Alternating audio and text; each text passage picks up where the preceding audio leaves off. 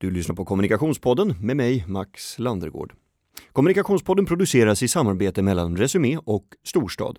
Kommunikationspodden är stolt över att ha MG Studio som sponsor. MG Studio erbjuder kurser och utbildningar för frilansare och småföretagare som får dig att komma framåt. Nu drar vi igång veckans avsnitt av Kommunikationspodden. 1851 fick världen först skåda världsutställningen. Då var det London som stod värd för ett evenemang som präglades av ingenjörskonst och frihandelsfrågor. Nu, så här över 150 år senare, är världsutställningen fortfarande igång. Men hur har konceptet förändrats och vad ska Sverige göra nu när de deltar i världsutställningen som drar igång i Dubai 2020? Aurore Belfrage, välkommen till Kommunikationspodden. Tack! Styrelseledamot för Expo 2020 som är den organisation som har fått uppdrag av handelsministern att representera Sverige på världsutställningen i Dubai 2020. Stämmer det? Eh, vi pratade lite grann innan vi drog igång inspelningen om poddar. Du har själv eh, gjort någon investmentpodd nu under våren. Ja, jätteroligt. Jag har inte lyssnat eller gjort podd förut, så det var ett experiment. Eh, och vi spelade in 13 eller 14 avsnitt, heter Plus katapult. Man ska genast göra reklam för sig själv. Eh, om impact investing och hur man mm. använder teknik för att bygga ett bättre samhälle. Okej, okay. men vad är uh, impact investing? Vad, vad betyder det? Impact investing är väl ett, ett, sätt att fundera på vad är det du vill åstadkomma med din investering? Traditionell investering vill åstadkomma avkastning, eh, finansiell impact. Eh, och nu finns det en, en, växande grupp, både bolagsbyggare men även eh, investerare som letar efter mer. Jag vill eh, hjälpa sjuka barn, jag vill eh, rädda miljön, jag vill eh, göra någon skillnad när det gäller klimatförändringar. Det vill säga man mäter framgång bredare och större än bara pengar. Men innebär det också att man inte är lika aggressiv i avkastningskraven utan man ser det över tid? Att Kanske. Eller? Det beror på. Det finns ju många bolag som gör både, som både har en impact för något annat eh, och har en finansiell avkastning och sen så är det andra bolag som då inte värderar det lika högt. Eh, jag tror problemet har varit att det har inte känts lika fint eftersom det inte har fokuserat på pengar lika mm. mycket. Um, men jag ser en enorm trendskillnad där folk nu, eller trendbrott heter det på svenska, där folk nu känner mer att vad gör jag här? Alltså att samla mer pengar på hög är varken särskilt roligt eller särskilt sofistikerat. Det är liksom inte en svår lek att leka. Mm. Um, och de större tänkarna och de större hjärnorna och kanske de, även de större hjärtarna fundera på vad mer ska jag göra med min tid? Eh, och då använda sitt kapital till att ha då impact på riktigt. Till det någonting som de kanske bryr sig om eller som de ser eh, många andra bryr sig om. Men eh, vad, vad, om, man, om man ska vara, om jag ska representera folket med mindre hjärtan och hjärnor då, eh, hur eh, vad tjänar ett bolag på att investera i en verksamhet som inte genererar vinst? Ja, det beror på vad du har för intresse.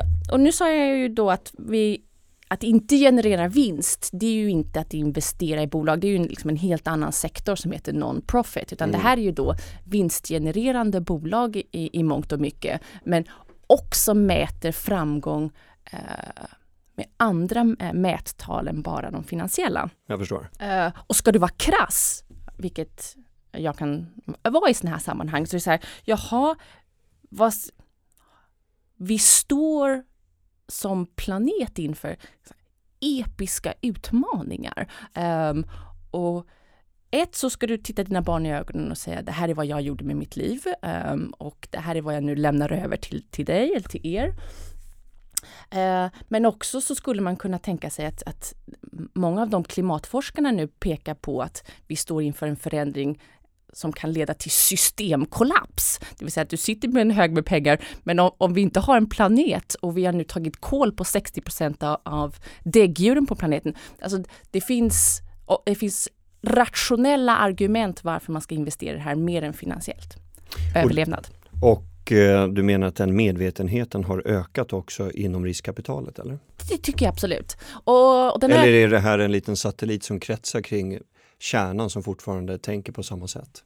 Jag tror det finns, den stora massan tänker fortfarande på, på samma sätt, men jag, jag, tycker man ser ett, ett, ett ordentligt skifte i hur folk tänker eh, och inte bara liksom, glossy veneer, det här är det man ska göra, utan eh, känner ett riktigt ansvar.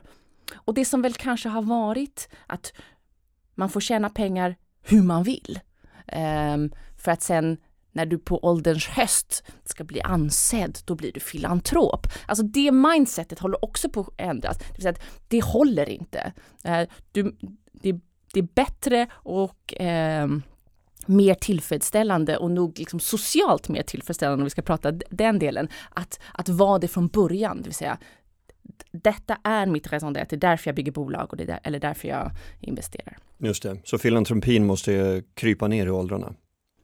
Ja. Mm, just det. Det ska inte bara vara... Ja, men filantropi kan man göra om man har ma massa pengar, utan det, det, här gäller ju för alla. Mm. Så vad, varför driver du en podd? Varför bygger man ett bolag? Vad är det för tech man vill bygga? Varför ska man till en världsutställning? Nu brygger jag eh, snällt tillbaka till världsutställningen. Ah, det, tackar så hjärtligt. Det var, du är van vid radio. det är helt rätt. Ja. Eh, jag förstår. Vad är syftet med världsutställningen? Syftet med världsutställningen är ju det finns, det finns många delar till det. Eh, men i mångt och mycket är det att, att ses och skapa en internationell plattform där man eh, både visar upp sig men eh, skakar tass och bygger vänskapsband och bygger broar. Mm. Och, och, här ser vi att världsutställningen är inte olik olympiska spelen eller Eh, VM i fotboll. Så många länder samlas kring ett intresse, i det här fallet så är det då mindre specifikt än fotboll, men ett paraply kring någonting som, som eh, man har gemensamt och så vill man då utbyta idéer och prata och ses och umgås och visa upp sig från sin bästa sida. Okej, okay. men på vilket... alltså inom ett sånt spektra så är det ju väldigt många facetter som man kan välja. Ett smörgåsbord som vi så fint kallar det i Sverige. Eh, exakt, smörgåsbord. Men, men jag tänker, vad är fokuset på just världsutställningen? Vad är det för typ av idéer? På vilken nivå möts man? Vilka idéer pratar man om? För det är ju, jag menar vi har ju Davos, vi har eh, olika mässor som rör populärkultur eller migration eller vad, vad pratar man specifikt om på världsutställningen? Vad, vad är det för nivå man möts på? Tycker jag är en jättebra fråga för att eh, Davos, som vi vet, är ju då eh, elitens elit och då the top echelon som möts och har inte varit särskilt demokratiskt i den bemärkelsen att alla får inte vara med. Eh, det här är ju mycket bredare, som länder går in eh, med, med, hela sitt smörgåsbord, hela sitt spektra. Så att vi kommer se allt från statsöverhuvuden till skolklasser. Och det är det som gör det så roligt, både ur ett utbildningssyfte eh, men kanske också ur ett underhållningssyfte som då indirekt blir det riktiga utbildningssyftet. För att vi, folk reser dit och just skolklasser tycker jag är det roligaste för det är verkligen, eh, i Mellanöstern kommer vi se nu för, för Dubai, eh, både från små barn upp till universitetet som kommer då besöka, titta. Och det ger mig enormt hopp. För det är när ungdomar eh, och barn lär sig om de andra. Det är ju då man har en chans att bygga någon form av eh, eh, fred, internationellt samarbete. För det är så lätt att det blir teoretiskt och de andra är där borta och läskiga och ser annorlunda ut och gör något annat och pratar ett annat språk. Mm. Men så mm. fort man har liksom haft lite interaktion. Um, vi pratade om det här om dagen. Uh, eliten har ju i alla tider skickat sina barn utomlands som en naturlig del av utbildningen. Och nu kan fler göra det. det vill säga att världen är mycket mer tillgänglig och det här är ett sätt att koncentrera det. Sen är det naturligtvis det är en, eh, en, en, handelsfråga i mångt och mycket. Så att, eh, det är ju länder som visar upp vad de kan, vad de kan göra, vad de kan bygga. Det är inte, eh, så är politiken eh, en del av det, men det, det, det är handelsfrämjande till stor del. Mm. Och världsutställningen är i tre delar i år. innovation, sustainability och mobility. Och vår, den svenska paviljongen, sitter i sustainability-delen, mm. vilket ger oss en enorm möjlighet att visa vad Sverige kan när det gäller uh, sustainability-frågor, uh, teknik, utveckling, politik, uh, kunskap. innovation, hållbarhet och mobilitet alltså. Va, va, den här mobiliteten, vad, vill du berätta mer om det? Jag vet, nu, nu berättar du precis att eh, Sverige inte har sin närvaro just där men... men det är också finns... en viktig fråga för, för Sverige såklart. Så det mm. handlar om eh, hur vi använder teknik för att eh, automatisera eh, bilkörande och mm. rörelse i städer mellan människor. Mm. Det, är, det är en teknisk fråga. Sen finns det liksom en, en, intressant social del i mobilitet också. Så får vi se om det, om det är några länder som, som spelar på det. Okej, okay, på vilket sätt då menar du? Social mobilitet, eh, det vill säga att du kan röra dig, du kan bygga en framtid, det finns hopp i, i, i din um, i din samhällsstruktur att, att, att bygga det bolaget du vill, göra det du vill, freedom of speech, alla de delarna. Eh, I den politiska diskursen idag så pratar vi om att vi är oroliga för eh, den högerpopulism som växer sig starkare och Trump har blivit vald i USA. Och jag eh, tror, eller många med mig tror, eller jag tror så många som det så fint heter, ehm, att faktumet att vi har eh, stora orättvisor i samhället, det vill säga inte social mobilitet, är en stor del av problemet. Ja, och jag tänker att det känns ju ganska ironiskt att ha ett sånt fokus i ett land som Förenade Arabemiraten. Hur, hur ser yttrandefrihetsfrågor ut där med sedlighetspolis och eh, jag tänker med eh, re, vardags sociala regler för klädsel, umgänge mellan könen och sådana saker. Finns det Förenade Arabemiraten? Inte exakt som vi har det i Sverige. Nej. Jag tänker, har, har ni fått några restriktioner har ni behövt bli godkända i er monter av Förenade Arabemiraten? I allra högsta grad. Eh, och inte de frågorna som du tänker på utan eh, arbetsmiljömässigt och eftersom eh, UAE har fått mycket kritik för eh, arbetsmiljöregler och skador som har skett. Och vi har haft otaliga fruktansvärda skandaler i uppbyggandet av eh, av Förenade Arabemiraten. Och detta är någonting som de har dragit öronen åt sig och någonting som varit väldigt viktigt för att överhuvudtaget möjliggöra att ha världsutställningen där. Um, vilket gör att när, när, Sverige kommer in och bygger paviljong eller när alla kommer in och bygger paviljong så är de reglerna uh, väldigt stränga. Så att mm. man måste absolut leva upp till uh, ganska mycket regler och krav. Men jag tänker, kommer du som också jag gissar kommer vara på plats under världsutställningen. Kommer du behöva bete dig annorlunda nu när du representerar Sverige i ett land som Förenade Arabemiraten? Jag, jag kan inte föreställa mig två länder som står så långt ifrån varandra rent socialt och värderingsmässigt som just de två länderna. Jag har jobbat väldigt mycket i Mellanöstern och tror jag är en av anledningarna varför jag fått förmånen att sitta i, uh, i styrelsen. Uh, dels så bodde jag i Saudiarabien som uh, barn.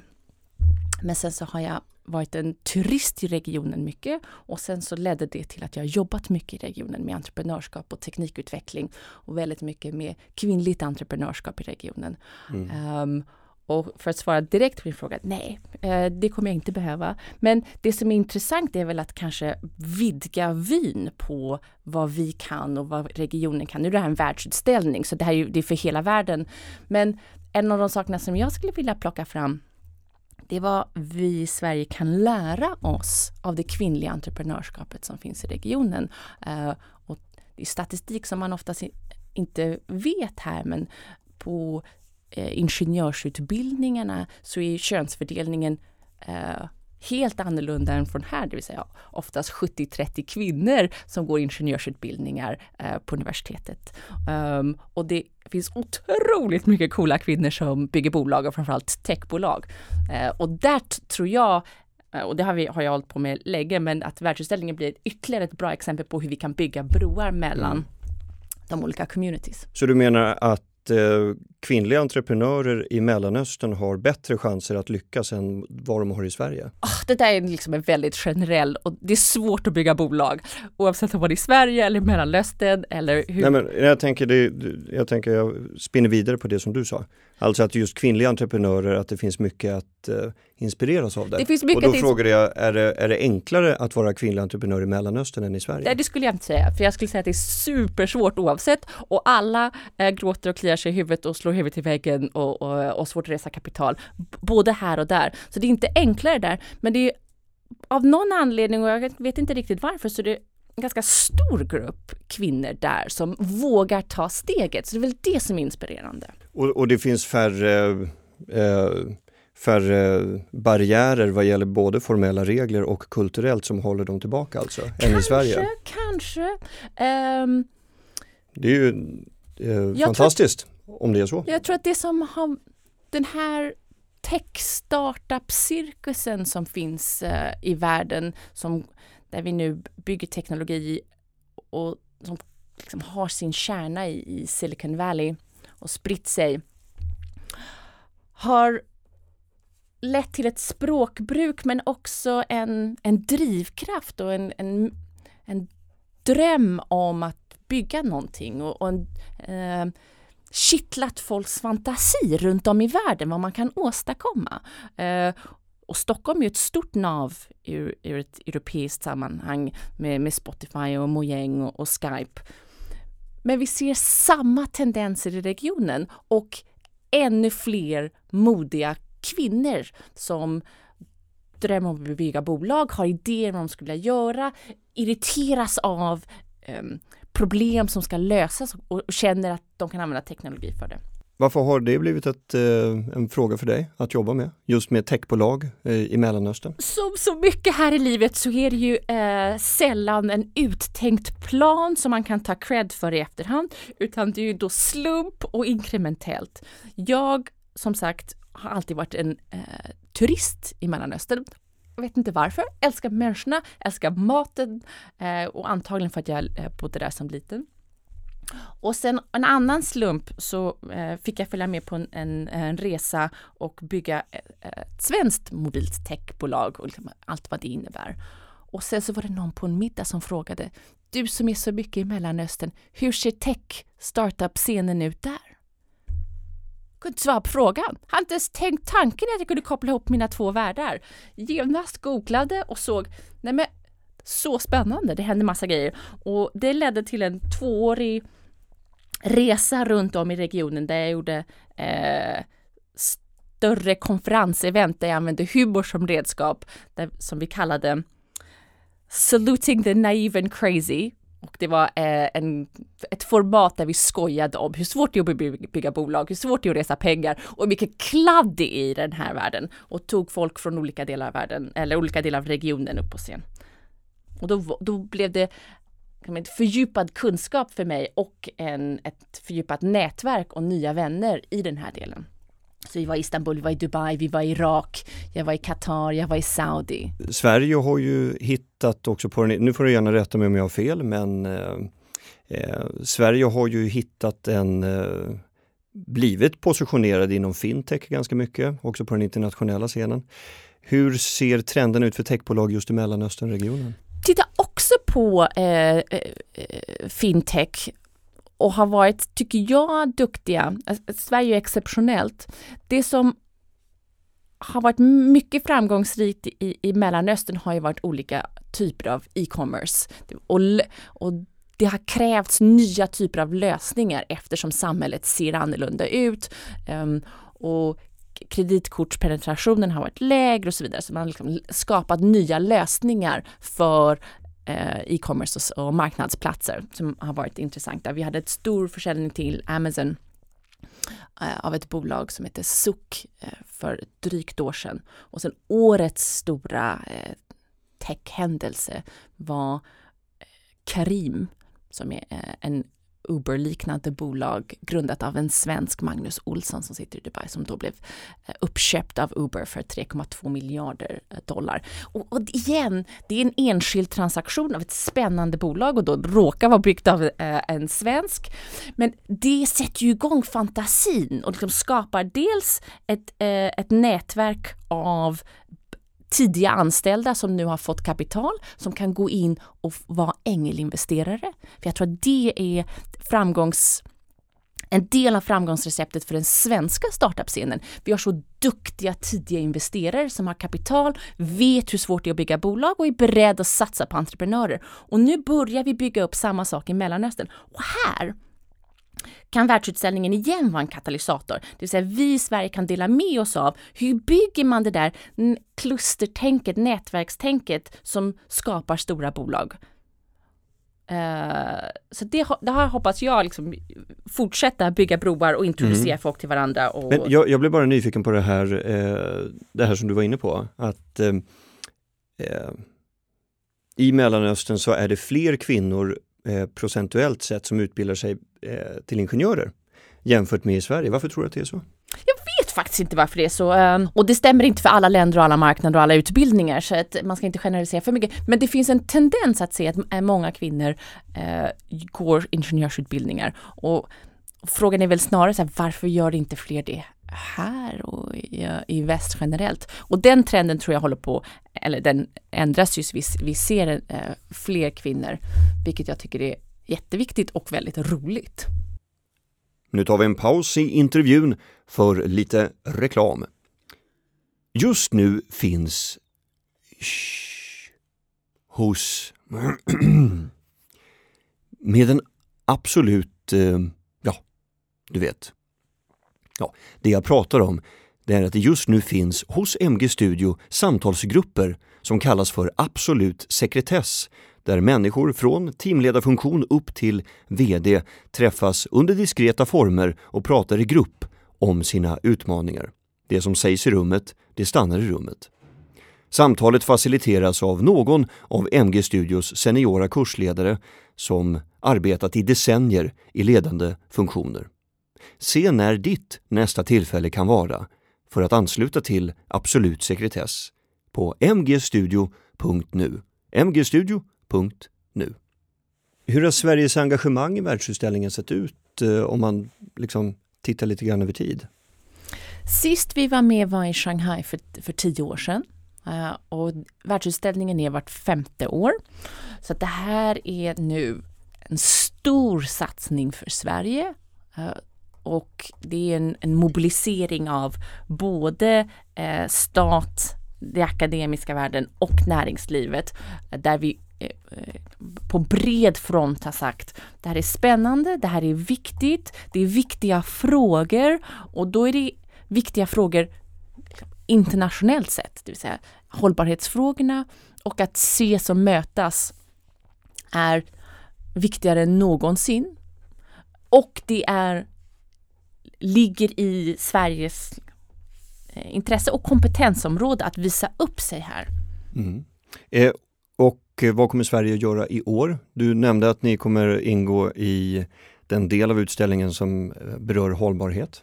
Man ska, man ska, inte göra för mycket spoiler alert, kom och titta. Men vi, vi kommer... jag, jag, är inte säker på att alla som lyssnar kommer att kunna ha möjlighet att åka till Dubai och titta. Vi kommer så... visa upp väldigt mycket så att man ja. behöver inte åka. Um, och det tror jag är en, det är en hållbarhetsfråga också, uh, att man kanske inte alla behöver vara på plats eh, och dela med sig av de här eh, kunskaperna och frågorna. Men vi kommer att eh, visa upp svensk innovation, svenska bolag, men också ett, ett, ett sätt att tänka. Alltså, temat för oss är ju co-creation for innovation.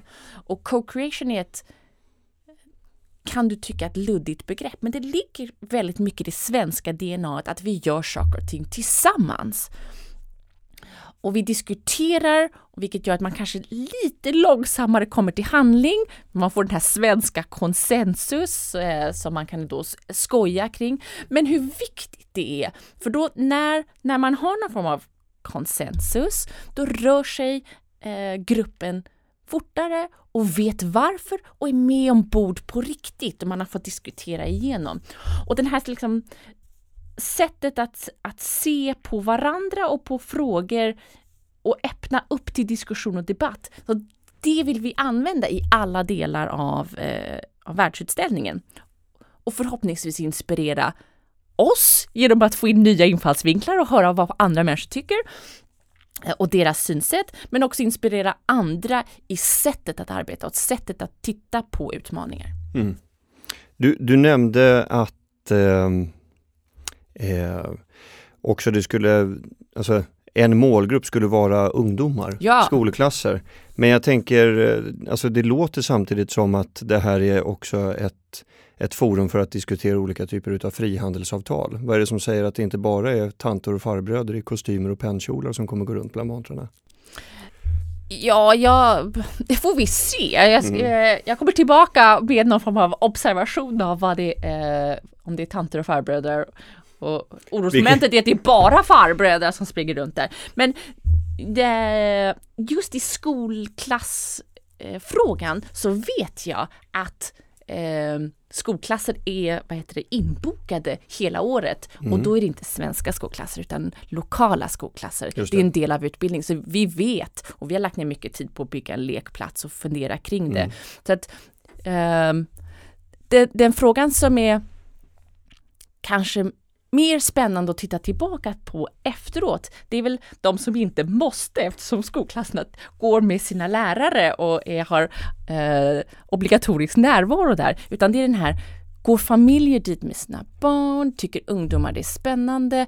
Eh, tycker någon form av bredare medelklass runt omkring att det här är frågor som engagerar? Och det hoppas jag. Alltså liksom, det blir väl måttstocken på om, om man har eh, kittlat folks intresse. Så det skulle jag tycka var hemskt spännande att titta på i efterhand. Eh, vilket utfall eh, hoppas ni på från svensk sida? Ja, det finns säkert eh, exakta siffror på besökarantalet eh, som jag borde kunna. Ehm, eh, men det vi ja, men jag tänker inte på besökarna egentligen, hur många som kommer gå in i monten, utan jag tänker vad på sikt, vad, om vi kopplar tillbaks till syftet, vad, vad, vad är det för utfall man hoppas på? Det är på flera olika nivåer. Det ena är ju att eh, Eh, och allt de här sakerna går ju inte att mäta, vilket jag kommer från en värld där vi möter allt och datadrivet. Men det här är ju då dels att vi, vi har berört och förstått hur olika eh, personer ser på vissa eh, eh, policypolitiska frågor när det gäller hållbarhet, eh, prata kring våra frågor, formulera ett budskap och se till att så många som möjligt. Så det är en kommunikations eh, Eh, aspekt här som är väldigt viktig. Ehm, och den berör ju då allt från statsöverhuvud till, eh, till skolklasser, så man får paketera i, i, olika format, det som vi tycker är viktigt.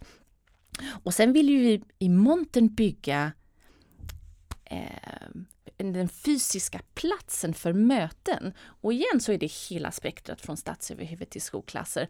Um, där mycket kommer naturligtvis handla om svensk innovation, svenska bolag som visar upp vad de kan och vad de vill uh, och bjuder in till till samtal. Så det jag skulle vilja mäta efteråt är det, så här, hur har vi byggt den här interaktiva delen och, och, hur väl lyckas vi ska, eh, inspirera folk att vara med i interaktionen? För det är så lätt att sitta och säga nu, vi ska interagera kring innovation. Jag kan sitta här och spotta med hur mycket fina ord som helst.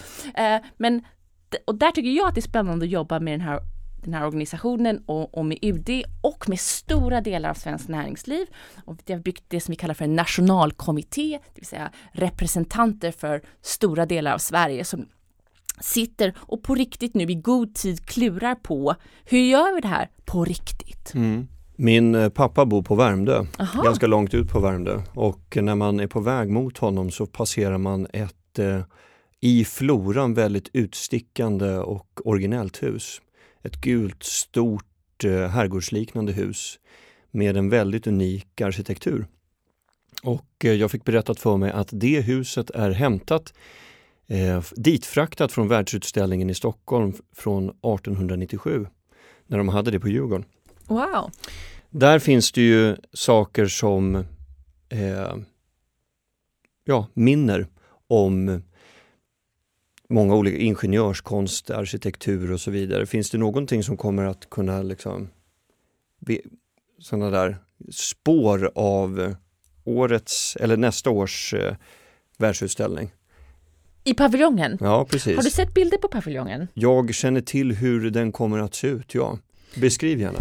Så att, eh, den heter The Forest och, och vi jobbar med tema skogen. Så, eh, och vi kommer se en, en stilistisk skog där vi kommer bjuda in besökare i en, en skog eh, där man får då uppleva i olika gläntor svensk innovation, svenska bolag eh, eh, och det kommer vara en eh, det ska bli väldigt spännande att se det live eftersom vi har bara sett det på, på papper och, och idéer stadiet. Just den här bryggan mellan eh, den svenska urskogen. Ja, det känns väldigt svenskt med terminologin också. Kom till vår innovationsglänta. Liksom. Kom till vår innovationsglänta.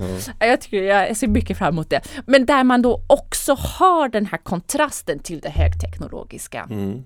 Och vi, vi, ha, vi har ju en enorm bredd i Sverige. Och det är ett litet land på liksom, internationellt sätt. Vi är inte så många, men vi, som det så fint heter, we punch above our weight. Det, vi är ganska välkända för vad vi gör, vad vi tycker, vad vi står för. Den, den svenska värderingsfloran är inspirerande, viktig mm. eh, och jag hoppas att vi kommer kunna liksom, skapa interaktiva, kreativa, spännande möjligheter för att då exportera detta. Inte delvis naturligtvis för Sveriges skull och det är därför vi gör det.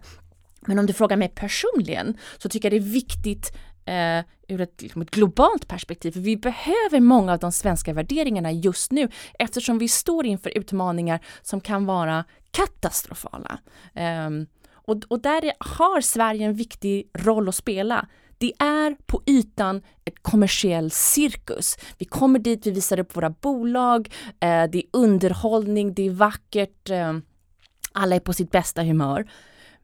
Skalar du den löken och tittar på vad det är egentligen så är det ett möte av människor och folk kommer dit i, liksom i positiv bemärkelse och i det så kan du skapa någonting eh, som förhoppningsvis har riktiga eh, riktiga ringar på vattnet och, och eh, förändringar som vi verkligen behöver. Mm. Jag hör hur jag låter liksom nej, men, eh, pretentiös men jag, jag nej, känner verkligen jag för... Men, men jag tycker det är roligt för, för eh, du bekräftar också den här bilden som eh, eh, jag läste en bok om Carl Bildt och då ska den amerikanska underrättelsetjänsten ha beskrivit honom som a small dog with a big dog attitude.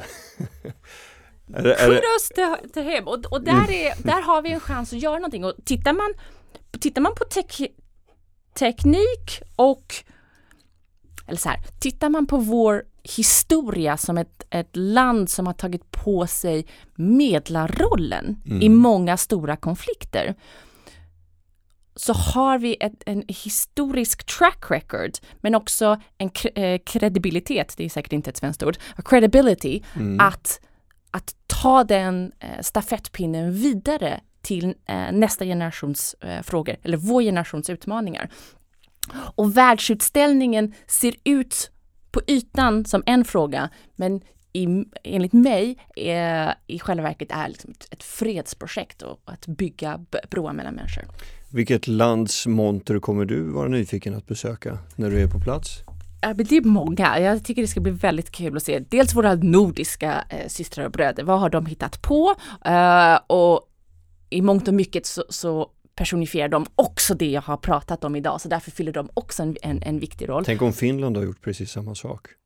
Också en skog, också gläntor. Ja, jag, nu vet jag att de inte har Nej. det, men eh, och om de har det så så är det bara trevligt att mm. vi äh, står för det tillsammans, Tassitas. Men det andra som jag tycker är spännande, till exempel de länder som har enorma budgetar. Alltså Sverige har äh, äh, relativt sett mindre pengar för att göra samma sak och tvingar oss på ett positivt sätt att vara kreativa med eh, vår investering och fundera verkligen igenom allting. Men det, det ska bli kul att titta på så här, vad, gör, vad gör Kina? Mm. Eh, vad, tror, vad tror du Kina kommer Ingen aning. Antagligen en stor budget. Jag skulle gissa att de spelar mycket på det, deras ambition att vara eh, the leader within AI by 2030. Det är liksom en nationell strategi de har, så jag tror att de kommer spela på artificiell intelligens och teknik på ett sätt som ligger mig varmt om hjärtat, så jag är väldigt nyfiken på, mm. på den delen. Um, ja, spännande. När är det här? Det är under hela, hela 2020, inte sant? Det börjar oktober 2020. Håller, I oktober 2020? Håller på till april 2021. Så det är um, mm. Under några månader där det är som behagligast att vara i regionen. Okej. Okay. Det kan vara väldigt varmt på sommaren. Så då åker du ner snart och fortsätter. Jag gissar att du inte är den som kommer stå med skruvdragaren och, och skruva ihop om alla stubbar och gläntor. Om det behövs eh, så tar jag dottern under armen. Eh, vi kommer vara där i lite olika omgångar. Eh, och, ja. och eh, inspektera, vifta den svenska flaggan men också då det är ju eh, vad heter det, work in progress. Vi, mm. vi börjar i oktober, men man kommer ju ganska snart att se vad fungerar, vad fungerar inte, hur känns klimatet, eh, lära sig, och hoppas man lär sig direkt på plats eh, kring hur man kommunicerar, vad finns det för budskap som fungerar, så att man hela tiden, även under den här sex månaders tiden, utvecklas i att eh, kittla folks kreativitet och nyfikenhet kring oss. Mm. Spännande. Hoppas det.